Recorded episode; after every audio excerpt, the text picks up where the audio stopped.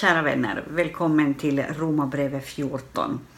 Jag ska börja med att läsa texten. Jag försöker läsa den i dess helhet idag och eh, sen ska jag ge några kommentarer kring den. Det här är ett spännande kapitel och det här är ett viktigt kapitel, liksom alla andra kapitel i Romarbrevet. Ehm, det är inte viktigare än något annat kapitel, men, men det är ett kapitel som innehåller väldigt mycket av centrala saker.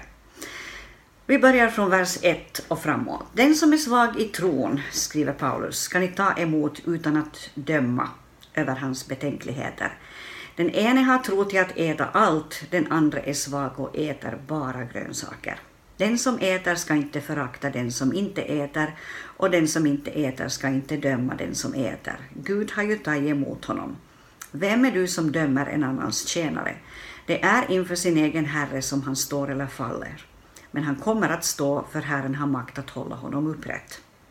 Den ene sätter en dag högre än en annan, den andra håller alla dagar lika högt. Var och en ska vara fullt övertygad i sitt sinne. Den som firar en viss dag gör det för Herren och den som äter gör det för Herren.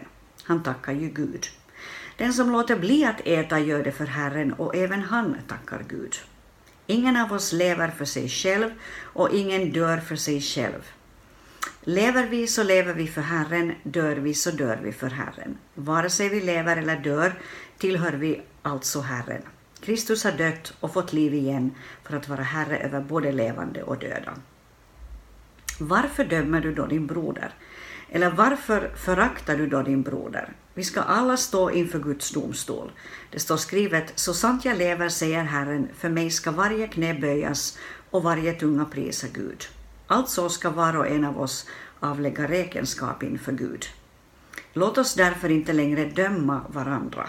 Bestäm er istället för att inte lägga hinder eller stötestenar i vägen för en broder.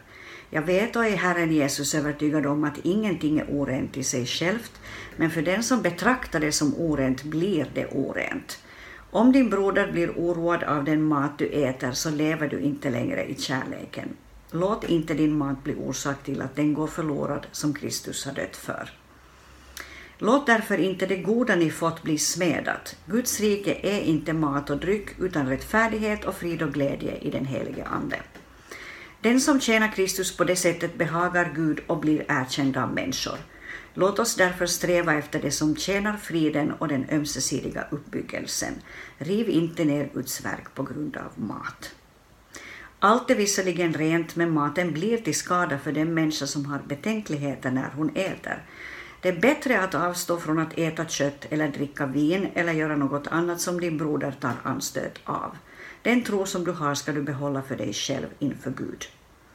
Salig är den som inte måste döma sig själv för det som han väljer. Men den som har betänkligheter och ändå äter är dömd eftersom det inte sker av tro. Allt som inte sker av tro är synd. All right. Först en liten sån här kommentar vad gäller sån här super, eh, vad ska vi säga, superverser som vi gärna återkommer till, understreckar i våra biblar och gärna citerar. Här fanns några sådana, som till exempel vers 7. Ingen av oss lever för sig själv och ingen dör för sig själv. Lever vi så lever vi för Herren, dör vi så dör vi för Herren. Eh, det här är ju en sån här text som, som ofta citeras och som eh, kanske har blivit i någon sång. Jag har någon sån här 70-talssång som jag kommer ihåg som hade exakt den här texten. Eh, och eh, det är inte så ovanligt att vi plockar vissa såna här texter som blir väldigt, väldigt kära för oss. Ta till exempel vers 17. Guds rike är inte mat och dryck utan rättfärdighet och frid och glädje i den helige Ande. Där fanns ännu en sån här favoritvers. Det är inte ovanligt att vi plockar sådana här favoritverser och så gör vi liksom något mer av dem. Eh, de blir sådana här älsklingsverser som finns skrivna här och var i våra böneböcker. Och det blir, det blir eh, verser som vi citerar för varandra och som vi kanske gör en stor grej av. Eh, och som kanske på något sätt lyfts upp mera än allt det övriga som vi läser. Och i värsta fall kan det också hända när vi lyfter fram någon viss vers, att vi fokuserar på det på ett felaktigt sätt utan att titta på helheten och kontexten och så får vi en helt fel förståelse av den här texten bara för att vi plockar den enskilda versen uh, ur, ur dess sammanhang. Jag tror att jag har kommenterat det här tidigare, men jag vill se det en gång till, därför att här just i den här texten fanns sådana här favoritverser. Så det är alltså viktigt att läsa helheten, det är viktigt att läsa kontexten för att förstå det som författaren verkligen är ute efter att säga. All right, då går vi till början. Paulus introducerar här det här uttrycket att vara svag i tron, eller han skriver om de som är svaga i tron och han säger att den som är svag i tron ska ni ta emot utan att döma över hans betänkligheter. Eh, han använder också det motsatta eh, uttrycket vi som är starka Eh, i, i nästa kapitel, alltså i Romarbrevet 15, han säger vi som är starka är skyldiga att bära de svaga svagheter och inte tjäna oss själva. Och då uppfattar jag det som att det handlar inte om svaghet i generell bemärkelse utan det har att göra med just den här kontexten att man har vissa betänkligheter och därför är svag i tron och eh, att man inte har betänkligheter utan är stark i tron. Och det är det som egentligen hela det här kapitlet handlar om. Vi har olikheter, eller vi ser på olika sätt på saker och ting som troende. Vi är olika och vi behöver vara trots det, eller just för att vi är olika, så behöver vi vara väldigt försiktiga med varandra och värna om att verkligen älska varandra. Det är liksom huvudpoängen egentligen Eh, i den här texten. Ehm, min svenska bibel har överskriften ehm, förhållandet till svaga bröder här och eh, tonen i den här texten är nog att vi måste lära oss att älska varandra trots att vi ser olika på saker och ting. Så han säger alltså här, om vi går till början, att den ena har tro till att äta allt och den andra är svag och äter bara grönsaker. Eh, det som är, Eh, bakgrunden här det är att eh, det fanns människor som valde att av religiösa skäl inte äta kött. Hedningarna offrade djur, eh, eller hedningarna offrade också djur, eh, och dessa djur kunde sedan, eller det här köttet kunde sedan säljas på marknaden och ibland hände det att man tog mer betalning för kött som hade varit med om någon offerceremoni. Och vissa i urkyrkan tyckte att det var fel att äta kött som hade offrats eller överlåtits till en, en, till en hedna gud. Och vi kan ju liksom föreställa oss själva, tänk att någon sån här kult eller grupp skulle offra djur och så för de sen efteråt det här köttet till salutorget eller, eller till någon köttförsäljning och så står det dessutom där kanske till och med att, att det här köttet har varit med, by the way, i en offerceremoni. Skulle du eller skulle jag köpa det här köttet? Uh, Paulus säger här att den ene har tro att äta allt. Och han inkluderar sig själv i den gruppen. Han, han har inga betänkligheter för sånt här offerkött. Han äter det. Han säger att, att eh, andra är svaga och äter bara grönsaker.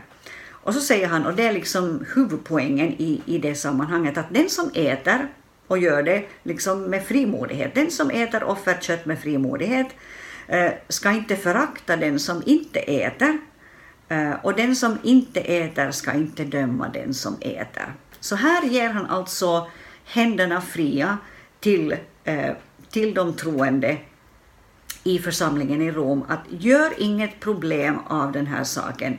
Det finns de ibland er som har tro för att äta av det här offerköttet, som inte gör något problem av det, som inte tänker att nu finns här några onda andar i rörelse för att det här köttet har varit på någon offer eller i någon offerceremoni, utan som äter det helt kallt och tänker att det finns inga andra gudar än Jesus Kristus. Det här är bara avgudar, det spelar ingen roll, det har ingen effekt, det kommer inte att ha en negativ eh, influens på mitt liv fast jag äter det. Det finns de som äter, säger han, och det finns de som inte äter, och ni ska inte liksom peta i varandras liv. Det är, eh, alltså ge varandra utrymme att fatta era egna beslut i den här frågan. Han säger också att den ene ibland er eh, sätter en dag högre än en annan, alltså sabbatsdagen. Den ene bland er, ehm, eller vissa bland er sätter sabbatsdagen eh, högre än andra dagar. Eh, andra håller alla dagar lika högt. Och så säger han, var och en ska vara fullt övertygad i sitt sinne. Så han tar inte um, någon ståndpunkt eller gör, gör inget beslut i den här frågan. Han säger inte att det är fel att fira sabbat för nu har ni blivit kristna. Uh, han säger inte att det är fel att lämna bort sabbatsfirandet för det är någonting som, som Jesus själv gjorde. Han var jude och jag själv som Paulus ju var, jag själv är jude, så skulle han ha kunnat säga och därför firar jag sabbat och alla ska fira sabbat med tanke på vilken kontext vi kommer ur, utan istället säger han att den ena sätter en dag högre än en annan och den andra håller alla dagar lika högt. Var och en ska vara fullt övertygad i sitt sinne. Den som firar en viss dag gör det för Herren och den som äter gör det för Herren. Uh, han tackar ju Gud. Den som låter bli att äta offerkött underförstått gör det för Herren och även han tackar Gud. Och så kommer det här som vi har sen gjort i någon sång, det här citatet. Ingen av oss lever för sig själv och ingen dör för sig själv. Lever vi så lever vi för Herren. Dör vi så dör vi för Herren. Och vi lever våra liv, uh, inte bara för Herren, men vi lever våra liv uh, inför varandra. Och våra liv kan ibland uh, Eh, vara liksom en utmaning för en annan troende. Och det är det som han är ute efter här att vi ska inte döma varandra och vi ska inte provocera heller med vår livsstil så att någon annan broder kommer i gungning bara för att vi äter av offerköttet eller vi äter någonting som han, vår broder, inte har tro att äta eller tro för att äta. Eller tvärtom. Han säger att låt oss inte döma varandra, bestäm er istället för att inte lägga hinder eller stötestenar i vägen för en broder. Alltså, lev på ett sådant sätt att din broder inte får problem med din livsstil. Han säger att jag vet och är Herren Jesus övertygad om, nu är jag i vers 14, att ingenting är orent i sig själv.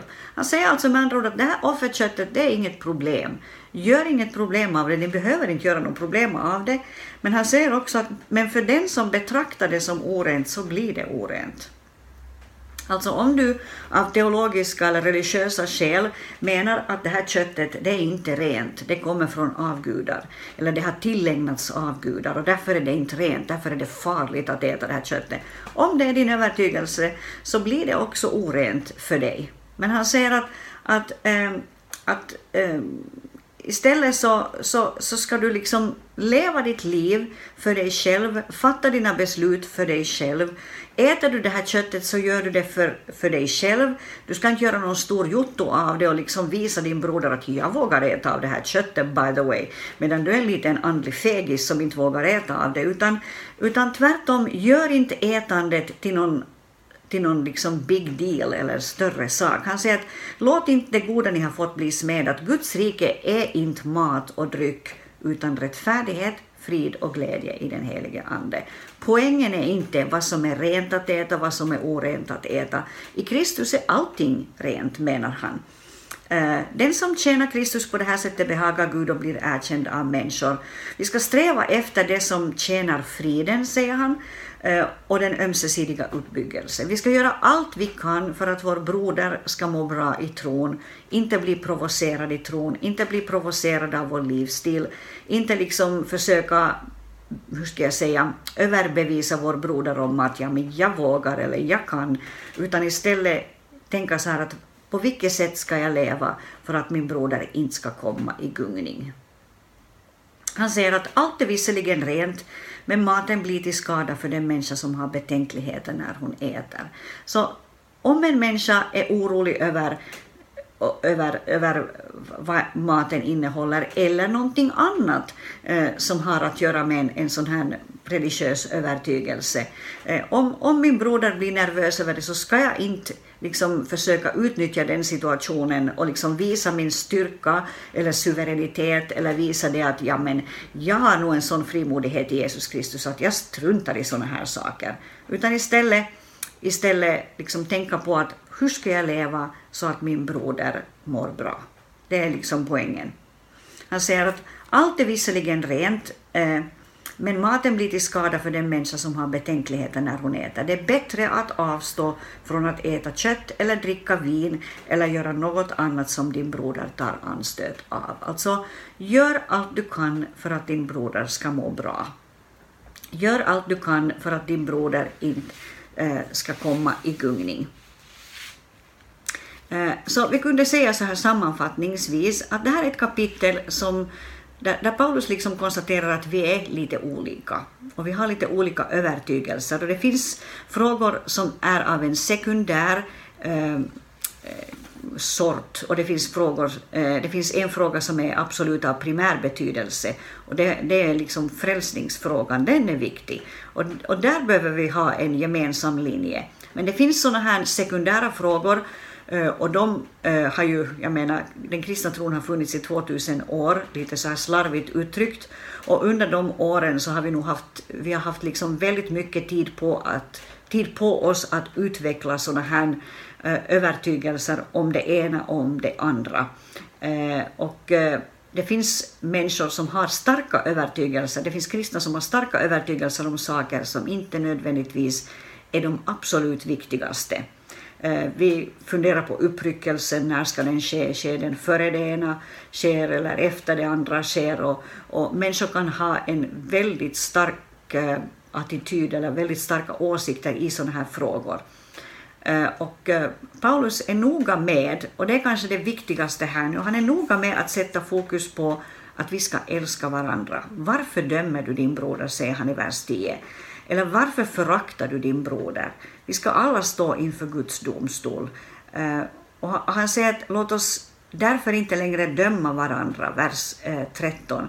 Bestäm er istället för att inte lägga hinder eller stötestenar i vägar för en broder. Alltså, gör allt du kan för att din broder i tron ska må bra. För att din broder i tron inte ska bli provocerad av din livsstil, av dina val, av ditt sätt att fungera. Vi är inte till för att provocera varandra, vi är till för att älska varandra och göra det så lätt som möjligt för varandra. Den tro du har ska du behålla för dig själv. Den övertygelse du har ska du hålla för dig själv. Din, den livsstil du har ska i den bemärkelsen hållas för dig själv. Mind your own business, skulle vi säga på engelska. Eh, och eh, gör allt du kan för att din broder ska få bevaras i rättfärdighet och frid och glädje i den helige Ande. Och därmed har jag kommenterat och sagt det jag vill säga om Romarbrevet 14, som jag tycker är ett superviktigt kapitel. Det finns många teman som diskuteras i kristenheten idag som jag tror skulle kunna sättas in under samma rubrik som det här kapitlet, där vi skulle kunna behöva lära oss kanske mest av allt att ha respekt för varandra, älska varandra, ge varandra utrymme och konstatera här ser vi olika på saker och ting. Men det viktigaste det är frälsningsfrågan, eh, inte de här sekundära sakerna. Tänk om vi skulle istället prioritera och, och göra allt vi kan för att se till att, att vår broder och vår syster känner sig älskade och uppskattade av oss. Tänk om allt vårt krut skulle sättas på det. Vilken värld det skulle bli. Var välsignad i Jesu namn. Amen.